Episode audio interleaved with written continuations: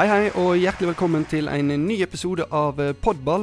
Denne gangen en eh, reinspikka landslagsepisode, for det nærmer seg hele fire kamper i eh, Nations League. Et heftig dobbeltoppgjør mot Sverige, en bortekamp mot Serbia og en hjemmekamp her på Ullevål mot Slovenia. Og for å lade litt opp, så har vi fått storfint besøk av en tidligere landslagskaptein, mangeårig Premier League-proff og er nå ei viktig brikke i Ståle Solbakkens trenerapparat. Brede Hangland, hjertelig velkommen skal du være. Takk for det, og takk for uh, fine ord. Det var altfor meget. ja, Vi sitter jo her på Ullevål, som du har vært så mange ganger, og ser ut uh, på matta. Det ser jo ut som det er klart for uh, landslagskamper her nå. Ja, virkelig. praktfull matte. ja, sommer, varmt i været. Det ligger jo an til at det blir veldig veldig fine kamper her. og, en, og, en, ekstremt hektisk periode. Dette har jo aldri vært gjort før, det som skal skje nå i juni. med med fire kamper på mindre enn to uker. Ja, Hvordan blir det, tror du? For eh, altså Spillerne er jo vant med å spille ofte kamper, men altså fire så intense landskamper på så kort tid, som du sier, det har aldri skjedd før? Nei, det, det blir eh, det, det, gjenstår jo å se. Eh, og jeg tror på mange måter så er det en konkurranse nå blant de europeiske nasjonene i å holde oppe trykket etter, etter det som for de fleste landslagsspillere har vært en ekstremt lang sesong, og dette er det siste som skjer. Uh, så det er litt sånn um, Hvem klarer å få mobilisert mest uh, inn mot disse kampene her? og Der tror jeg jo vi ligger ganske godt an, i og med at vi har mange fine gutter som elsker å være på landslaget. Og, og, sånn sett at den motivasjonen som kreves, den, den, den har de. Uh, mens kanskje potensielt uh, andre nasjoner uh, vil slite litt mer med det. Og at kanskje noen trekker seg med småskader osv. Det gjenstår å se. men jeg opplever at vår gjeng de syns det er utrolig kult å være på landslaget og representere nasjonen, og, og at de er klare til dyst igjen. Vi skal snakke mer om disse kampene litt eh, seinere. Jeg må bare spørre deg, for du er jo vant med altså Som klubbspiller og alt dette, så er du vant med at det skjer noe hele tida. Har du kommet inn i denne jobben her. og Hvordan er det egentlig at, eh, at det går så lang tid mellom hver gang det, det virkelig gjelder? Eh, det, det, kan jo være litt krevende, for så vidt. Eh, men det skjer jo mye mellom samlingene òg, da. Eh, og det er ikke sånn at, at jeg ligger og slapper av om dagene. Det er hele veien noe å følge med på. Og ja, masse kamper å se, selvfølgelig. Masse spillere å ha kontakt med. Sånn at uh, jeg uh, syns det er veldig kjekt òg mellom samlingene. Men det er ikke til å legge skjul på at samling er høydepunktet i denne tilværelsen her. Og, og vi forbereder oss jo veldig godt. Og når det endelig er tid for å samles, så er det liksom litt høytid for, for oss som jobber i støtteapparatet.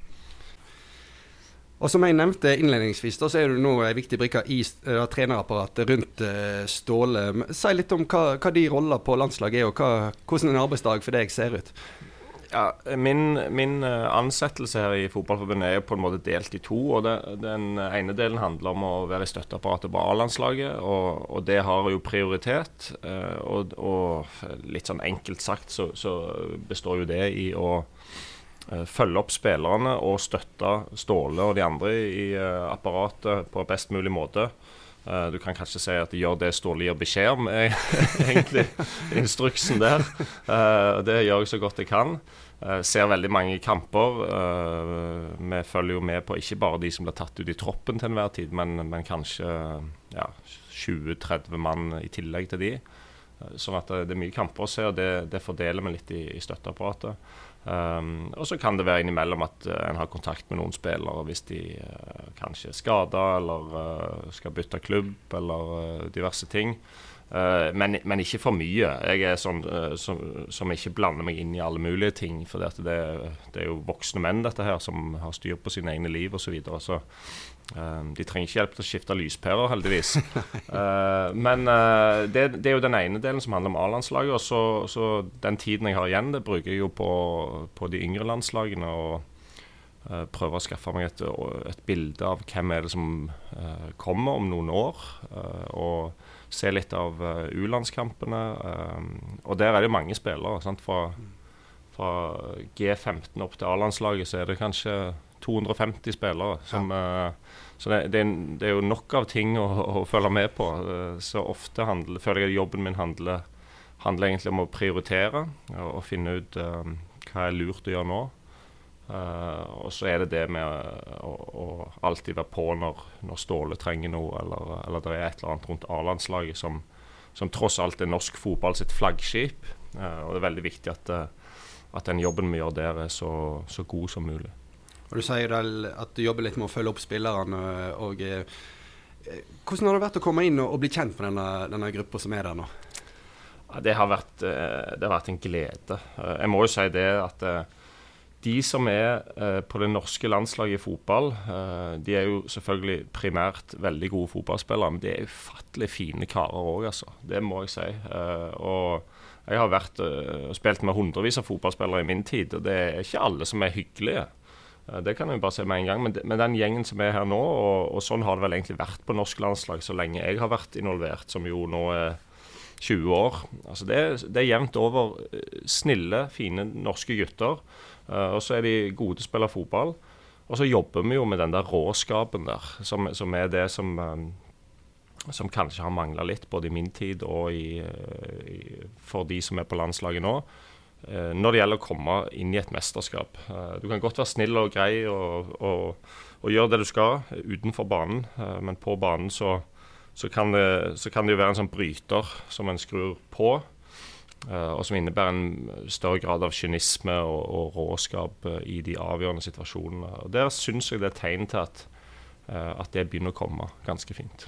Ja, for da, da har vi neste spørsmål egentlig. Føler du at, at du ser den råskapen i en gruppe, og at du kan, at du kan kjenne den igjen i, i enkeltspillere? Ja, um, jeg syns at det er mange som har tatt steg på det. Vi har noen, noen veldig fine og tydelige ledere i dette laget. Martin Ødegaard selvfølgelig, som er som er kaptein, men òg Stefan Strandberg, Erling Braut Haaland, i kraft av, uh, av, den han er i, i uh, internasjonal fotball.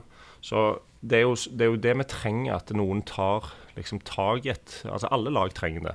At noen tar tak i laget, tar det i nakken rett og slett og sier at uh, sånn som dette vil vi ha det her. det skal være sånn og sånn innstilling på trening, det skal være sånn og sånn innstilling på kamp. Uh, og, og, så må trenerapparatet, trenerteam selvfølgelig legge en god plan.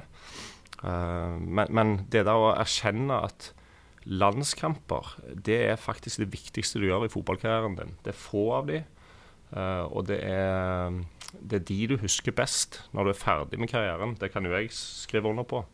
Sånn at det, det å forstå det tidlig nok, og um, gjøre det til så, en så viktig hendelse i livet, det, det, tror jeg er helt avgjørende. Og jeg ser at det er mange som, som begynner å tenke i de baner, og spesielt disse lederne da, med, med Martin og Stefan og Erling, som, som, drar med seg de andre i en fin, uh, i en fin retning. Så jeg har stor, stor, tro på at dette skal ende opp i et sluttspill. Men som alle vet, uh, alle lag er gode. Uh, det er tøff konkurranse osv. Men, men det er noe på gang, definitivt. Og Apropos da, å elske å spille for landslaget. Vi har jo en kaptein eh, blant mange andre også, som vi vet elsker å spille for, eh, for, landet sitt. Og når dere kom inn med deres regime, så var det en liten diskusjon hvem skal bli kaptein. Eh, så landa dere på Martin Ødegaard. Noen tenkte utenfra at å, er ikke han for snill til å være kaptein på dette laget? Men nå har vi sett han eh, bærer kapteinspinn òg i Arsenal, så det må jo være et eller annet med, med Martin der som, eh, som, som har en sånn lederfigur i seg. Ja, altså ledelse kan være så mangt. Jeg husker jeg hadde en lang prat med Martin om dette i, på vår første samling sammen, som jo var i Spania i mars i fjor. Uh, og, og den, på, den, samtalen gikk på det at det, selv om du nå er kaptein, så, så kan du ikke liksom begynne å drive skuespill. Altså Martin Ødegaard vil jo aldri bli en fyr som står midt ute på Ullevål og hamrer nevene i brystkassen og står og brøler sånne, sånne krigsrop. Sant? Han er kaptein på en annen type. Uh, han er, går foran. Uh, det er eksempelets makt. Han har en naturlig autoritet. Uh, folk lytter når han snakker. og han må forme sin Altså den typen han er i den rollen, på en naturlig måte. Det er ingen andre som kan bestemme at du må være leder på den eller den måten. Det må du finne ut av sjøl. og det syns jeg han har gjort fremragende så langt. og det ser ut som han trives i det. Så det har jo vært vellykka, det, uh, syns jeg. Og jeg syns Martin har tatt store, store steg på det siste året. Både for landslaget, men ikke minst i, i Arsenal. Uh, der han er høyt respektert. Uh, både blant uh, medspillere og motspillere og trenere i den ligaen. Så, så, han har gjort mye riktig og, og, har vokst med det ansvaret. Så det syns jeg var et riktig valg at han fikk bindet. Og Det er interessant å høre for deg som tidligere kaptein og leder for, for landslaget. Og Vi har jo bedt brukerne våre på fotballandslagets Instagram-konto komme med spørsmål. Og da har vi et spørsmål som går på akkurat dette her. Og Stig Kobra, som han kaller seg, han spør hvem hadde vært kaptein om du og Ødegaard spilte sammen på landslaget? Ja, Det måtte du ha spurt Ståle om, men jeg ville mene at det hadde blitt meg. men problemet mitt hadde nok vært at jeg hadde ikke blitt tatt ut. Uh, I hvert fall hvis det var nå. Uh, men uh, er klart at det å være kaptein er jo òg noe som, som, som, faller en lettere og lettere jo lenger du har vært det. Jeg var jo kaptein i mange år. Det tror jeg Martin kommer til å være òg. Uh, men uh, jeg hadde nok kanskje enda litt mer tak på dette laget i mine siste år enn det Martin har nå. Mm. Selvfølgelig, fordi at han er mye yngre. Uh, men det kan godt være Ståle hadde vært helt uenig. Hadde sagt Hangeland, du går og stiller deg bare i forsvaret, og så tier du stilt, og så, og så får Martin ta dette ansvaret her. det er jo mange spørsmål som, går på, som vi får inn som går på dette med Martin og med, med Erling Braut Haaland. Da, så har vi en som heter Manie, som spør eh, hvordan er det egentlig å jobbe sammen med disse to spillerne? Hvordan, eh, hvordan opplever du det? Det er utrolig spennende uh, og, og, veldig fint. Og føles for meg givende. Fordi at de er, jo, de, er jo, allerede bedre enn jeg var som fotballspiller. de er på et høyere nivå, og, de, og de det finnes nesten ikke grenser for disse to. Uh, men det er jo fremdeles sånn at jeg, jeg, kan relatere til det og kan forstå det og kan se uh, hvilke utfordringer de har, og hvilke utfordringer de kan komme inn i. Så det uh, Og så er det ganske kult, for at jeg møtte Martin og Erling. jeg var ambassadør for denne Equinor talentleiren i mange år. og jeg møtte jo de der som 14-åringer, to små pjokker som var på en sånn talentleir. Så vi har jo egentlig nesten ti års uh, bekjentskap, selv om, uh, selv om uh, det var mange år jeg ikke kjente de godt. Men de har en sånn naturlig respekt for at jeg har vært gjennom en lang fotballkarriere, og de lytter. Sånn at hva kan vi snakke om? Jo, vi kan snakke om å være ekte. vi kan snakke om hvordan bevarer du mest mulig energi. når du heter Erling Braut Haaland eller Martin Ødegaard, så vil alle ha en bit av deg. Hvordan skal du leve i forhold til det? Uh, vel vitende om at det viktigste er at når du kommer på banen, så har du krefter til å gjøre det du, det du skal. Sånn, så du må, du må, rett og slett lade opp batteriene innimellom. Det er mange sånne små ting. Uh, men jeg er ikke sånn som driver maser uh, på folk. For du kan se på Martin og Erling, som var det de spurte om, at de gjør jo ting riktig per definisjon. For se, se på utviklingen de har. og Se hva Martin har gjort i Arsenal, se hva Erling har gjort i Tyskland, skal nå til Manchester City. Uh, det går jo ganske greit med de to karene der. Men jeg tror de vet, uh, og jeg tror de syns det er greit å vite òg, at dersom Hvis jeg ser noe de burde justere på, så kommer jeg til å gi beskjed. Uh, vi vil bare de, det beste for, for, alle de som er på landslaget, og det gjelder selvfølgelig Martin og Erling òg, og vil hjelpe de til å bli så gode som de kan. sånn at de kan hjelpe Norge til å komme inn i et mesterskap. Og For å avslutte den bolken, jeg må bare spørre deg med den, det lange fotballivet som du har bak deg som spiller, og nå inn på trenersida. Dette med Erling, har, har, vi sett noe lignende i Norge når du tenker på alt som skjer rundt han? Nei, um, ikke i nærheten engang, vil jeg si. Um, Erling er nå en, uh, en, superstjerne, ikke bare i fotball, men tror, altså, han er jo lett gjenkjennelig fyr. Jeg tror det er mange i verden som vet hvem Erling er akkurat nå. Um, og det, det, kan være positivt, det, men det kan òg være uh, tøft, selvfølgelig.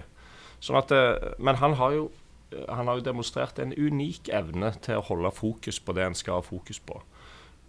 Og det kan jo folk tenke litt gjennom, hva det egentlig krever i det, i det sirkuset som han har levd i, spesielt de siste månedene før uh, framtida hans ble avklart. Hva det krever av mental styrke uh, å gå på banen igjen og igjen og klare å blokkere ut Eh, alt eh, liksom all støyen i verden eh, og gjør det du skal, som er å prøve å skåre mål. Så der er Erling helt unik, syns jeg. Så, så, all ære til han. Det, det, er en prestasjon på høyt, høyt nivå. Og så kan jo han altså Det finnes ingen grenser for hvor god han kan bli.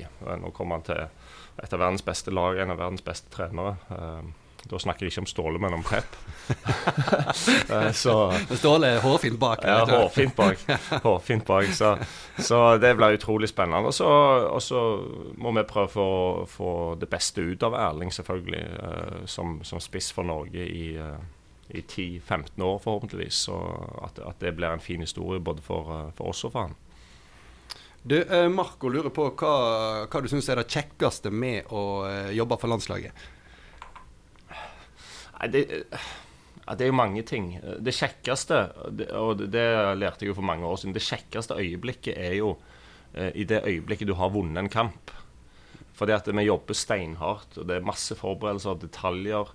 Eh, egentlig for å prøve, litt sånn enkelt sagt, å gi nasjonen noe å være stolt av og begeistra over. Sant? Så når, når, dommeren blåser av, og hvis du vinner den kampen, så er jo den, den følelsen i det øyeblikket, det er det beste. Og sånn, Det var det når jeg var spiller, spiller og det, sånn er det jo òg som uh, en del av trenerteamet. Uh, men, men, så er det jo mange andre ting òg. Altså, det er fine folk å være sammen med på tur. Uh, det, er, det, er, lærerikt, det er utfordrende, det er et stort ansvar. Der en skal selvfølgelig være per definisjon den beste utgaven av seg sjøl når en er på, på samling. Uh, men det vi driver med, er underholdning og prøver å gi folk en god opplevelse. Og, og det handler om uh, hjemlandet vårt. Så eh, det å motivere seg for dette, det er jo veldig uproblematisk. Ja, så må jeg jo spørre deg, altså som spiller, da, spesielt uh, for oss som aldri har fått oppleve det, og aldri kommer til å få oppleve det. Hvordan er det egentlig å gå utpå der og vite at du har nasjonens forventninger på skuldrene, og, og når det går bra, da, altså hvordan er den, den følelsen der? Altså det, det, er jo et stort ansvar. sant? Uh, og det, det, kan en, uh, det er et poeng for landslagsspillere. Det, det, kan en bruke litt tid på å, å bli komfortabel med. Fordi at uh, ok, du taper deg en landslagsdrakt og går ut på Ullevål. Da er du liksom per definisjon en av de beste spillerne i landet. Og, og du skal forsvare nasjonens ære. Det er jo sånn det er. Ja. og, og, og det det krever nok litt tilvenning, det å, det å tåle den situasjonen.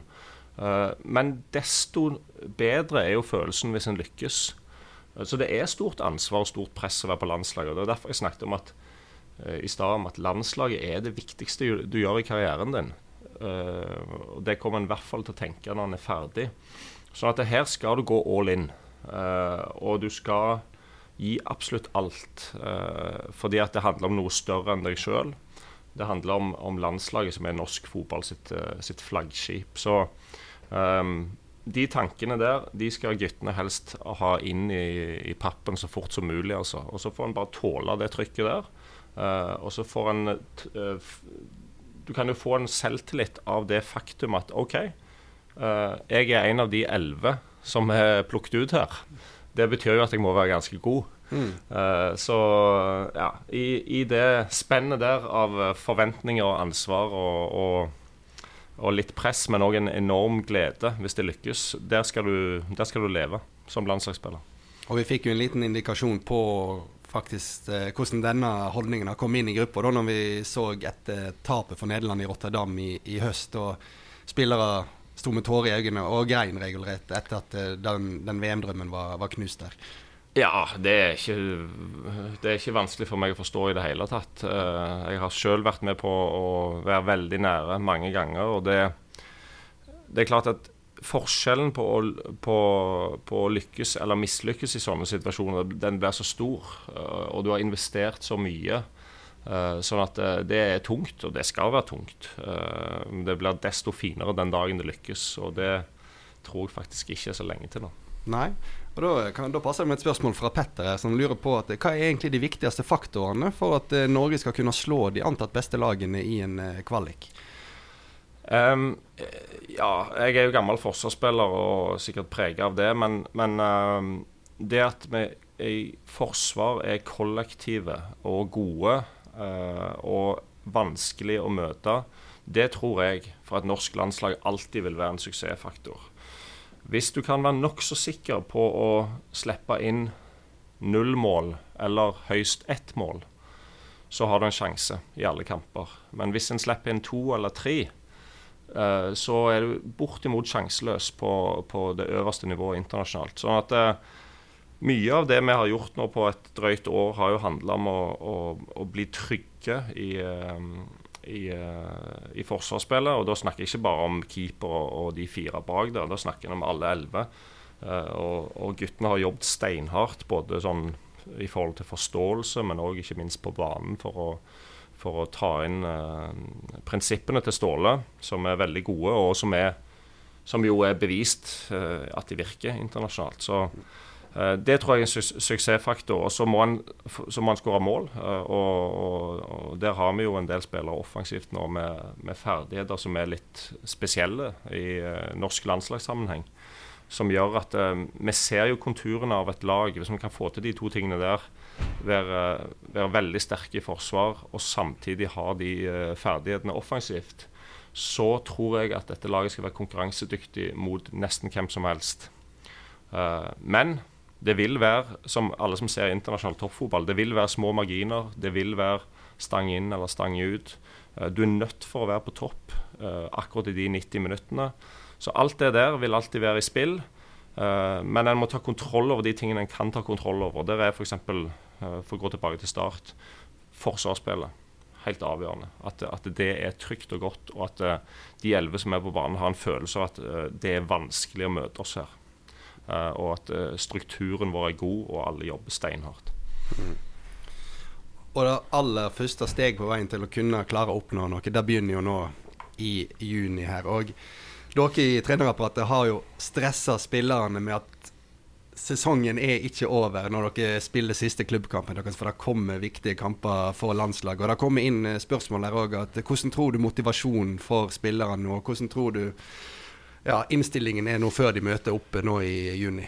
Eller mai, blir det. Ja, um, nei, det er mange ting å si om det. Jeg har sjøl vært med på, å spille internasjonale sesonger, og, og, det er ikke noe vits å, å å liksom lyge om det. Det er, det er, tungt å spille en sesong på elleve måneder. Uh, og så kommer du til slutten av mai, juni, uh, der du kunne hatt ferie, men så kommer det landskamper, og nå er det attpåtil fire landskamper. Det er tungt, uh, egentlig primært mentalt, fordi at du kunne hatt ferie, men så kommer det kamper. Så tror jeg, eller jeg vet, at våre spillere syns det er utrolig kult å være på landslaget av mange grunner. De er stolte over å være på landslaget. De syns det er en fin gjeng. De syns det er kjekt å treffes. Sånn at uh, der har vi gjort noe bra uh, i, uh, ja, i, miljøet for at vi har lagd en sånn kultur. Og så er det sånn, som jeg, som jeg, har sagt mange ganger nå, landslaget er en stor ære. det er òg et stort ansvar som du må gi plass til i livet ditt. Og det må du òg etter en lang sesong. Og det tror jeg at vi på det norske landslaget er, er, er i en god posisjon til å gjøre. Minst like god posisjon som mange andre nasjoner uh, eh, pga. de tingene jeg nevner. Så uh, det er tøft å være uh, toppspiller internasjonalt, men det er òg utrolig fett å få være med. Så vi forventer at alle stiller med fullada batterier. Og som vi har vært inne på, du har en, lands, en lang landslagskarriere bak deg. Var det 91 landskamper du stoppa på? Det var det. Jeg ga meg eh, sånn at Jon Arne Riise skulle få ha rekorden. det er faktisk sant. Men 91 landskamper, altså, det er ganske mange uker på landslagssamling, altså. Ja. Så, eh, så, da har vi fått inn et spørsmål her fra Ole Martin. Så har, lurer litt på hva som er ditt merkeligste landslagsøyeblikk. For jeg tror i løpet av den perioden du har vært der, så har det skjedd en del. Ja, det har skjedd mange ting, og det er ikke sikkert alle tingene tåler, tåler offentlighetens lys. Men jeg kan jo ta et, et, et, eksempel fra banen som var merkelig. Det skjedde, Nå sitter vi og ser ned på Ullevål. Det skjedde faktisk rett foran det målet her. Vi, vi hadde en landskamp en gang. Når det var, det husker jeg ikke. Jeg husker egentlig ingenting fra kampen. Og det vil historien avsløre hvorfor det ble sånn. Men jeg sprang da varmt opp da, før kamp. Og så var Steffen Iversen òg på laget, og han drev med skuddtrening. Eh, Hvorfor han gjorde det på oppvarminga, det vet jeg ikke. Men jeg sprang nå da Jeg hadde en sånn fast tradisjon med å springe litt fram og tilbake på 16-meteren. Uh, I starten av oppvarminga. Så sprang jeg nå der intetanende og, og, og tenkte på denne kampen og sånn. Og så kom det en volley fra Steffen som traff meg klakk rett i tinningen. Så jeg besvimte på oppvarminga. så det burde ha vært 92 landskamper. Ja. jeg, måtte rett og slett, måtte rett og slett uh, stå over med hjernerystelse. så, så du besvimte på oppvarming? Ja, ja. ja. Altså, men sånn, du vet når du ikke er forberedt på å få en ball i Og den traff, ikke, den traff i tinningen, som er et, ikke et godt sted. Så ja, besvimte rett og slett. Jeg måtte stå over. Så det det var bortkasta akkurat, akkurat, den samlinga, i hvert fall. Uh, men Steffen hadde jo, han hadde jo krutt i støvlene, som alle husker. Så sånn var det. Uh, ja, en av mange, mange historier uh, fra, fra, alle de årene med landskamp. Ja, Steffen han fortsatte med avslutningstrening på, på oppvarming framover? Ja, jeg tror ikke han, han var jo festlig kar. Han er jo en festlig kar, så jeg tror ikke han brydde seg så mye om det. Det var, det var mitt problem, ikke hans. Fantastisk. OK. Uh, Nations League nå. Uh, det, det, er fire kule kamper. Men det er fire tøffe kamper. Vi fikk en veldig tøff uh, trekning. Hvis vi begynner borte i Serbia der, da, hva, hva ser du for deg der? Uh, nei, uh, det er et veldig godt lag. Uh, fysisk sterkt. med mange spillere som spiller på høyt nivå.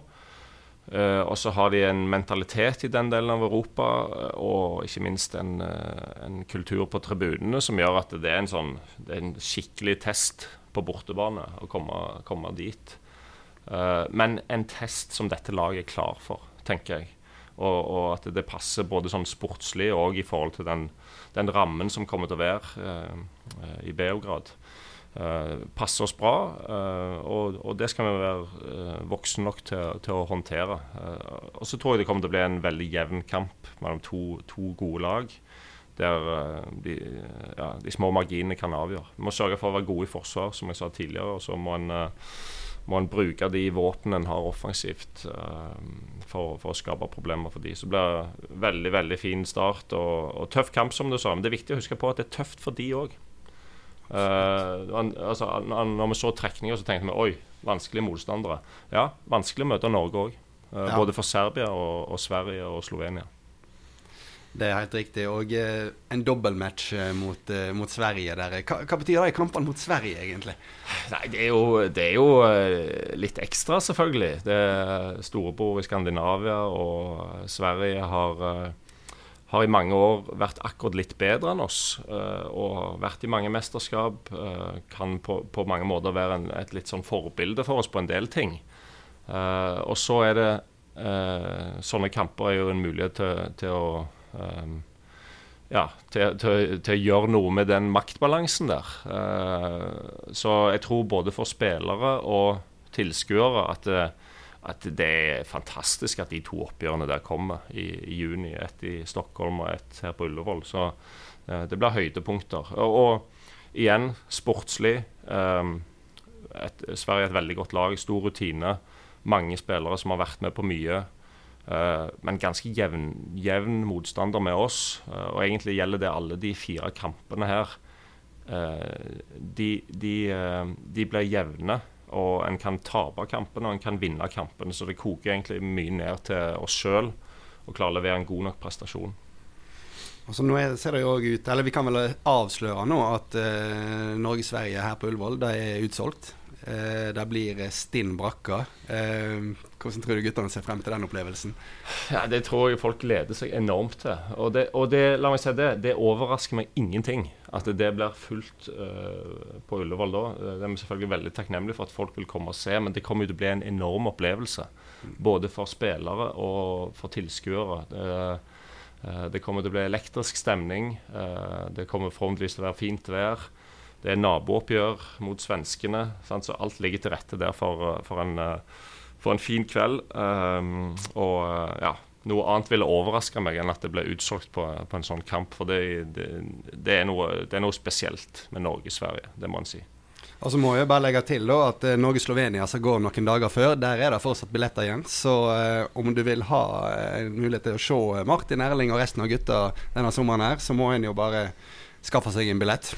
Ja, det vil jeg jo anbefale, absolutt. Altså, det er vel en torsdag kveld uh, midt i juni uh, i uh, Norges hovedstad. Det, jeg kan ikke se for meg så mange andre ting en skulle holde på med når jeg kommer og ser på den kampen der. Så jeg tror fort det blir fullt der òg, Det får du sørge for, uh, Skeie. da skal jeg jobbe alt jeg kan for at det blir. Uh, Nations League, vi må nett ta kort der. Hvorfor er det så, så viktig for, for oss? Altså, eh, Nations League er jo som mange har sagt et, et komplisert, eh, en komplisert reise. Men, men, det handler jo om eh, rett og slett å prøve å rykke opp i hierarkiet, for, for å si det litt enkelt. Og så, og så handler det òg om at en i løpet av disse kampene En, spil, en spiller jo et gruppespill her og, og, kan havne øverst eller, eller, nummer to eller nummer tre eller nummer fire. Uh, og så handler det òg om, om å løfte seg på rankingen. Uh, i den europeiske rankingen i forhold til uh, den forestående EM-kvaliken. Uh, så du kan grave deg så langt du vil inn i gangene i Uefa for å se på regler osv. Jeg pleier å si, og det syns jeg er ganske klokt, at det handler om å vinne den kampen som er foran deg. og det skal vi prøve, sånn skal vi prøve å tenke nå fire ganger i juni. så vet vi at det blir tøft, men det blir òg ekstremt kult, og vi gleder oss. Sånn uh, Avslutningsvis på denne bolken her, så bare tar jeg med et spørsmål, for det syns jeg fortjente en plass. For det er en som skriver at uh, det kommer masse tips til offensive spillere. Når du skal være gjest her nå, så vil han ha tips om hvordan bli en god midtstopper. Ja. Hva er de viktigste egenskapene? Um, det likte jeg, for vi trenger midtstoppere i dette landet. Uh, og, og um, det har vært en veldig eh, trend på offensive spillere i mange år i Norge nå, som er bra. Men som jeg sa, du vinner ingenting i internasjonal fotball hvis du ikke er god til å forsvare målet. Så tipsene til å være en god midtstopper, det er uh, å stå eller være i riktig posisjon uh, så ofte som mulig.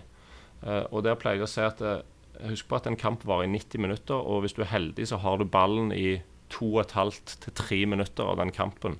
Og de andre 87 eller 88 minuttene, så er du bare rundt og tenker på hvilken posisjon skal jeg være i. Ja. Uh, og hvis en ser, tenker sånn på det, så det ganske, blir det ganske tydelig at det å være god i posisjonsspillet, det å være på rett plass til rett tid, spesielt for en midtstopper, det er helt avgjørende. Og Det kan en godt se på de beste i verden van Dijk i Liverpool, eller uh, Ruben Diaz i Manchester City, eller Stefan Strandberg for Norge. Ja. Og se uh, hvor ofte de er i riktig posisjon, og hvor mange ting de da unngår, eller hvor mange problemer de unngår ved å være i riktig posisjon. Så når du er OK, vær i rett posisjon, så kommer ballen inn i din sone. Da er det vinne duellen. Pang. Gode midtstoppere står i rett posisjon, vinner duellen. Så, når en har ballen en gang i ny og ne, spiller helt enkelt og risikofritt.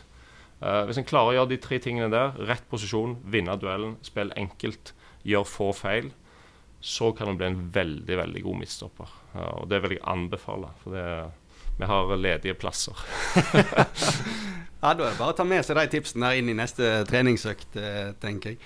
Vi er, vi er, straks ferdige her. Eh, avslutningsvis så har vi en sånn fast spalte som vi spør, et spørsmål som vi spør alle gjestene våre. Det har òg kommet inn spørsmål fra eh, brukerne våre faktisk om akkurat dette.